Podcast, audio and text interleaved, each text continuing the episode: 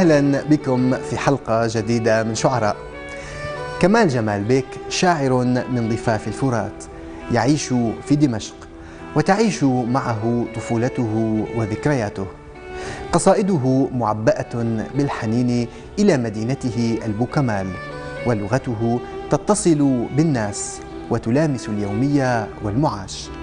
يكتب كمال جمال بيك كل أساليب القصيدة من الشعر العمودي إلى التفعيلة والنثر ويصوغ شعرا يتوجه إلى الإنسان ويدافع عن قيم الحق والحرية والجمال ويحتفي بالطبيعة. متعب كالقطا لا أرود الفرات ولا ظمئي قاتلي. أثقلتك الخطى ليتها غرست. في الرمال ظلالي وما درت في فلك ليس لي. يا هلي آه لو أستطيع الرجوع لأحرقت بيدر حزني وكسرته منجلي. أنا الشاعر العاشق أحلق والطير حين تغني. ولكنني حين تنقض فوق الفرائس أفترق. أنا الشاعر العاشق. أعلق أغنيتي بعروس الضحى. حين تقدم في عربات النهار.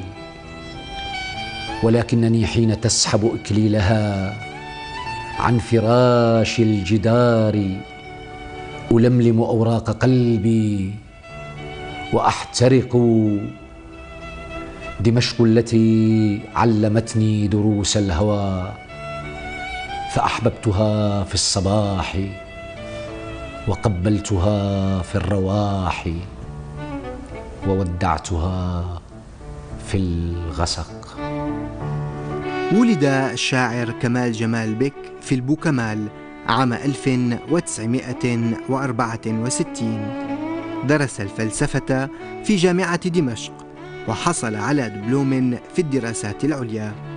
نشر أعماله الشعرية الأولى في الصحف والدوريات السورية وعمل في الإعلام. أصدر خمس مجموعات شعرية هي فصول لأحلام الفرات بعد منتصف القلب.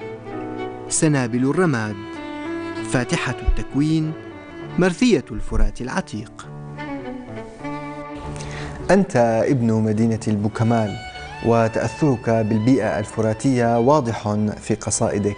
فهل يفرض المكان هويته على شعرائه؟ وكيف ساهمت هذه البيئة في تكوين مناخاتك الشعرية؟ المكان يأخذ شكل الروح كما تأخذ الروح شكل المكان. والمكان هنا يدخل في نسيج الوجدان. فالبوكمال حاضرة تغفو على كتف الفرات. ربما هربا من قيد الصحراء. والبوكمال هي واو العطف في الجملة العربية بين سوريا والعراق. في بيوتها الطينية ولدت. وفي حاراتها تفتحت وردة طفولتي. وعلى طرقاتها تركت آثار شقاوتي. ومن طيبة أهلها تشربت روحي ومن خبز تنانيرها أكلت وعلى أشجار نخيلها حفرت حروف اسمي. ولي من اسمها نصيب. لي كل هذا الحب ربما كل هذا الحزن من الفرات ومن البوكمال في نسخ القصيدة. لم يغب الفرات في قصائدي منذ مجموعتي الأولى فصول لأحلامه.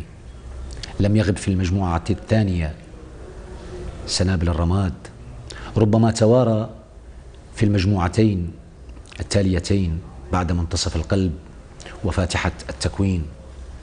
بحكم إقامتي في دمشق للدراسة والعمل ولكنه لم يغب في يوم من الأيام عن قصائدي. هو دائما يذكي جمرة الشعر كلما خبت وقدتها في ضلوعي. كيف بدأت بكتابة الشعر؟ بمن تأثرت؟ وما الذي حرضك عليه؟ أه بدأت كتابة الشعر بخربشات طفولية أعتقد جازما أن كل إنسان يولد وهو شاعر ولكن بعض الناس يبتعدون شيئا فشيئا عن هذه الشعرية هناك من يحترق بنار الشعر هناك من يطفئ ظمأه بالتلقي الشعر هناك من آه، يدخل في جحيم هذا الشعر ويكمل مسيرته فيصبح شاعرا. في كل الحالات لا يمكن إلا أن يكون الشعر آه، طفولتنا. بمن تأثرت أزعم أنني أنتمي إلى سلالة تمتد منذ الترنيمة الأولى أو منذ أول تكبيرة آه، كبرها جدي في أذني. ومنذ أول هدهدة رنمتها جدتي فوق سريري الخشبي. وأول حكاية سحرية نسجتها بخيوط ذهبية لتغفو روحي على ركبتيها.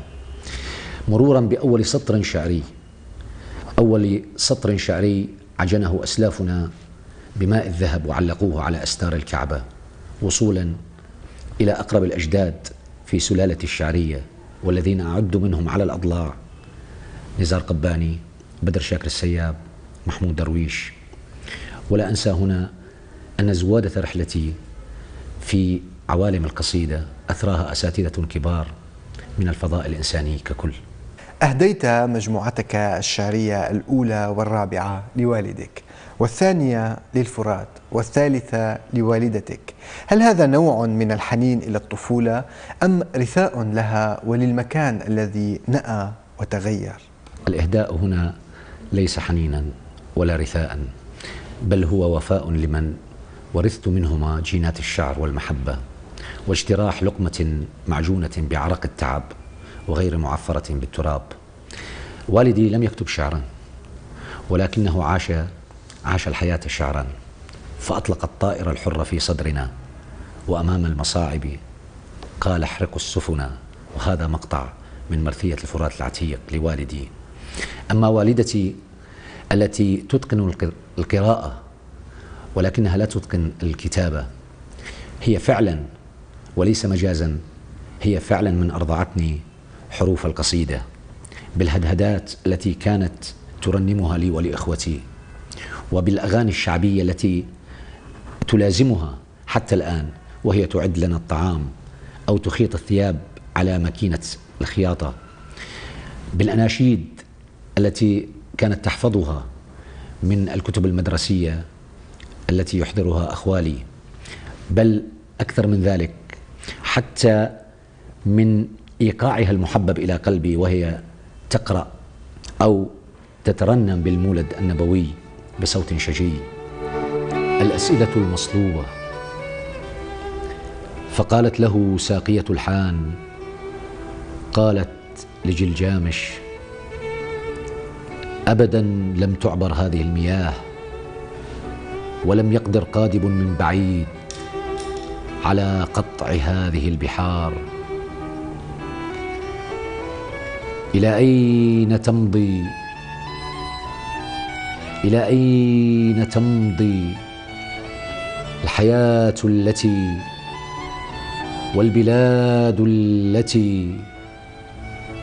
إلى أين تمضي؟ الدروب مضللة. والخطى واهنات. عباءتك الريح والماء خلف التلال وخلف التلال تلال. كأنك جئت ليصلب فينا السؤال سؤالا طويلا طويلا. وخلف السؤال ينوح سؤال إلى أين؟ إلى أين؟ سواح نحن ودهشتنا تحت أرنبة الأنف نهرشها كلما سقطت دودة رفع الحاجبين الخيال إلى أين؟ إلى أين؟ رغم أنك تكتب نصا يلامس حياة المدينة وشوارعها إلا أنني أحس بأنك تنظر بعيني بدوي فهل ما يزال البدوي في داخلك؟ في حالتنا العربية نزعم أننا نعيش في مدن وحقيقة الأمر أننا نعيش في قرى كبيرة تختلف العلاقات فيها وتتشابك إيقاعات الحياة في مطحنتها لكننا جميعا عندما نعود في استراحة المحارب نعود إلى ذواتنا. إذا كنت تقصد في سؤالك بالبدوي ذاك الذي يكابد المشقة ويصبر على الضيم ولكنه لا يترك حقه على الرغم من تقادم الزمن أو امتداد الزمن فنعم ما زال هذا البدوي في داخلي. دعني هنا أفرق بين حالتين. حالة البداوة التي لم يكرمني الله بأن أعيشها وحالة البدائية التي تماثل هنا براءتنا الأولى والتي لن أتخلى عنها لأنها أرض الشعر العذراء التي لم تطأها بعد أقدام الإسفلت. نعم ما زلت أنظر بعيني بدوي. يبحث كمال جمال بك بين أشيائه الضائعة عن مفردات روحه التي تغيرت وأبلاها النسيان رغبة منه في فتح أبواب المكان العتيق والمرور على زمان تصرمت ساعاته وانقضى فتراه يؤثر التحديق عن بعد في مسرح الطفولة. ذلك المكان الذي لا يبعث إلا على التنهدات وكأنما قدر الشعراء دائما الرجوع إلى المكان الذي فارقوه والحنين إلى سرير البدايات الأكثر الفه الشاعر والناقد طالب هماش. بين مجموعتيك الأولى والأخيرة تضاءلت نبرة التفاؤل في قصائدك. فهل اكتهل الشاعر أم أحبط ويأس؟ أعتقد أن مساحتي التفاؤل والتشاؤم لا تقاس بمعيار زمني. بمعنى لا تقاس بين مجموعة وأخرى أو بين الطفولة والكهولة. إلا أن للزمن هنا أن للزمن دالا. فبين المجموعة الأولى والمجموعة الخامسة هناك زمن يمتد على عقدين. العقد الأخير من القرن العشرين والعقد الأول من القرن الواحد والعشرين. في هذه البرهة الزمنية حدثت متغيرات في العالم. هذه المتغيرات عصفت بالعالم كله عصفت بنا جميعا. من الطبيعي جدا أن يتأثر هذا الكائن أي كائن على هذه البسيطة بهذه المتغيرات. ما بالك إذا كان هذا العصف يوميا وينتابك بين مشاعر متناقضة؟ الثابت الذي أؤمن به بمعادلة التفاؤل والتشاؤم هو الإنسان. دائما هذا الإنسان هو الذي يمدني بطاقة التفاؤل. المتحول أو المتغير في هذه المعادلة هو من يحاول قهر هذا الإنسان من يحاول أن أن يستلب منه حريته. هو من يحاول أن يعبث بجماليات أمنا الأرض ليمحو الذاكرة الجمعية ويحيلها إلى رماد القبح. تستخدم السخرية في شعرك أحيانا عن ماذا تعبر هذه السخرية؟ عن إحباط أم تمرد؟ السخرية نحتاجها في حياتنا كما تحتاجها أيضا القصيدة السخرية هنا تدخل آه، في مواجهة قسوة الحياة آه، لكنها آه، لكنها ليست بكميات كبيرة هي تماما كما ملح الطعام نحتاجها ولكن بكميات. في السخرية ربما تتكشف الأشياء عن طبيعة نمر بها بشكل عادي.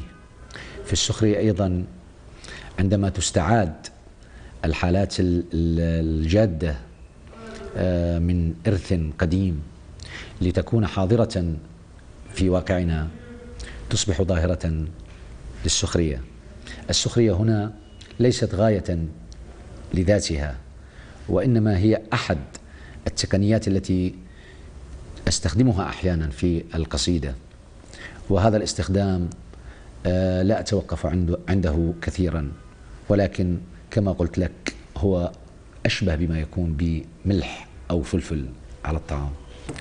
بيئة الفرات ذات ثقافة شفوية يغلب فيها الموزون والمقفى إن كان قصيدة عمودية أو قصيدا بدويا.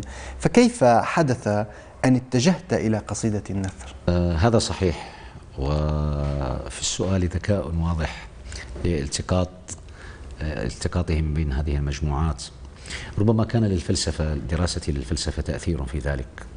ربما كان لإيقاع الحياة اليومي الذي فقد رنين أجراسه تأثير أيضا على دواخلنا.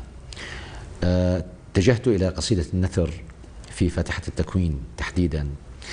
آه، حاولت أن أختتم الغبار الموزع على نوافذ طفولة الشعر الموزعة بين مشاكسات الحياة وأزمنة الفرات الغابرة. في قصيدة النثر هناك هناك تكثيف هناك اختزال هناك إدهاش وتحريض تجريبي. على عكس ما يعتقد الآخرون أن هناك استسهالا في قصيدة النثر. قصيدة النثر هي تماما تشبه لاعب الشطرنج الذي يريد أن يكون لاعبا مبدعا. أن تكون لاعب شطرنج وأستعير هنا من أحد الأصدقاء هذا التشبيه. أن تكون لاعب شطرنج عليك أن تتقن قواعد اللعبة. أن تكون لاعبا جيدا في الشطرنج عليك أن تتقن الخطط أن تكون لاعبا مبدعا في الشطرنج عليك أن تخرج على قواعد هذه اللعبة. ربما ذهابي إلى قصيدة النثر هو تناغم هذه الحالة تناغم هذا الإيقاع مع الحياة اليومية بمفرداتها التي تنأى عن السرد وتقترب من الشعرية ولكنها تحافظ على الشعر روحا ونصا. هي محاولة أيضا من ضمن محاولات الشغب الشغب الجميل الذي يضفي على هذه الحياة معنى آخر. رغم دراستك للفلسفة كما قلت منذ قليل إلا أننا لا نلحظ طرحا للتساؤلات الكبرى في قصائدك. لماذا؟ التساؤلات الكبرى لا تغيب في قصائدي ربما تغيب الفلسفة كمقولات ومفردات ولكنها تحضر في تفاصيل القصيدة اليومية. وتتماهى في طيات القصائد. ليس بالضرورة أن تستحضر الصوفية مثلا آه، من خلال مقولات الصوفية لتكون صوفيا. يمكن أن تعيش التجربة. فتدخل ضمن تجربة صوفية آه، ضمن النص الشعري. الفلسفة آه، ربما تثقل على الشعر. الفلسفة نص حر والشعر أيضا نص حر. وربما كما يقول أحد الفلاسفة حلم الفيلسوف أن يكون شاعرا. ولهذا عند نقطة معينة في الفلسفة توقفت لم أكمل الدراسات العليا لأن الشعر فضاء يحتاج إلى حرية ولا يرضى أن يكون هناك شريك كالفلسفة.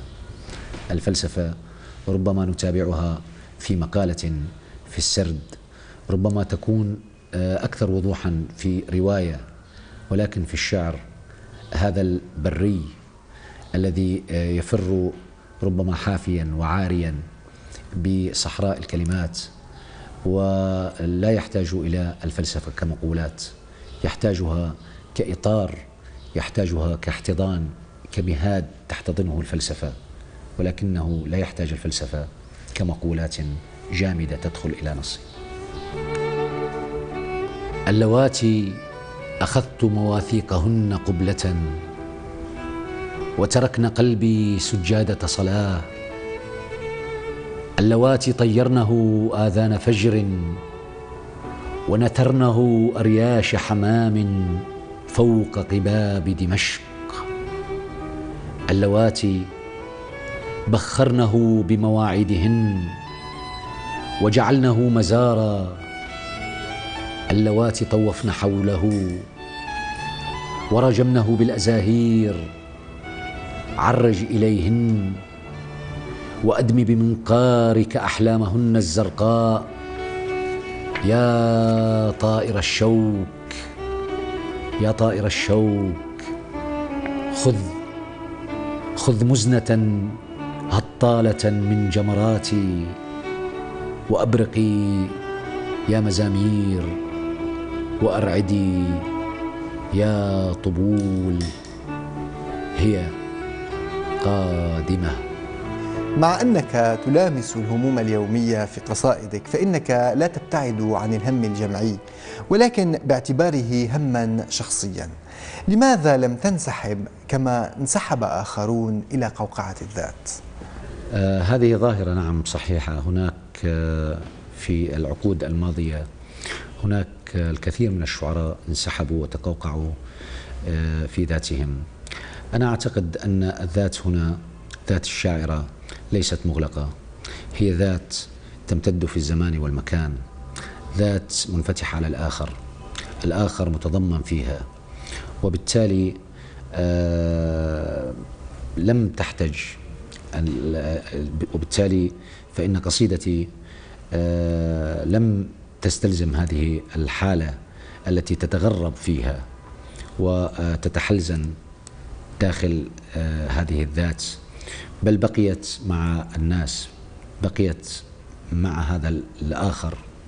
كما أن اللغة هنا آه تستلزم آه معجما للحياة ولا تستلزم القواميس والمعاجم التي ربما المفردات فيها تكون أقرب إلى حالة الموات منها إلى الحياة.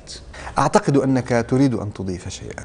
الهم الجمعي هنا آه آه لا يمكن لأي كائن إلا أن يتعامل مع هذه الفرادة باعتبار أن الشعر فرادة وليس آه أوركسترا ضمن مجموع. الهم الجمعي هنا إذا كان المقصود به القضايا الوطنية والقضايا القومية والقضايا الإنسانية. التي لا تغلقها الذات.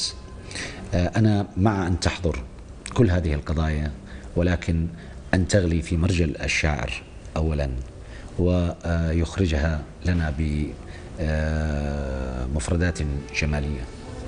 يحتفي كمال جمال بك بالشعر ليؤكد لنا أنه بديل كبير عما نفتقده في حياتنا الاستهلاكية.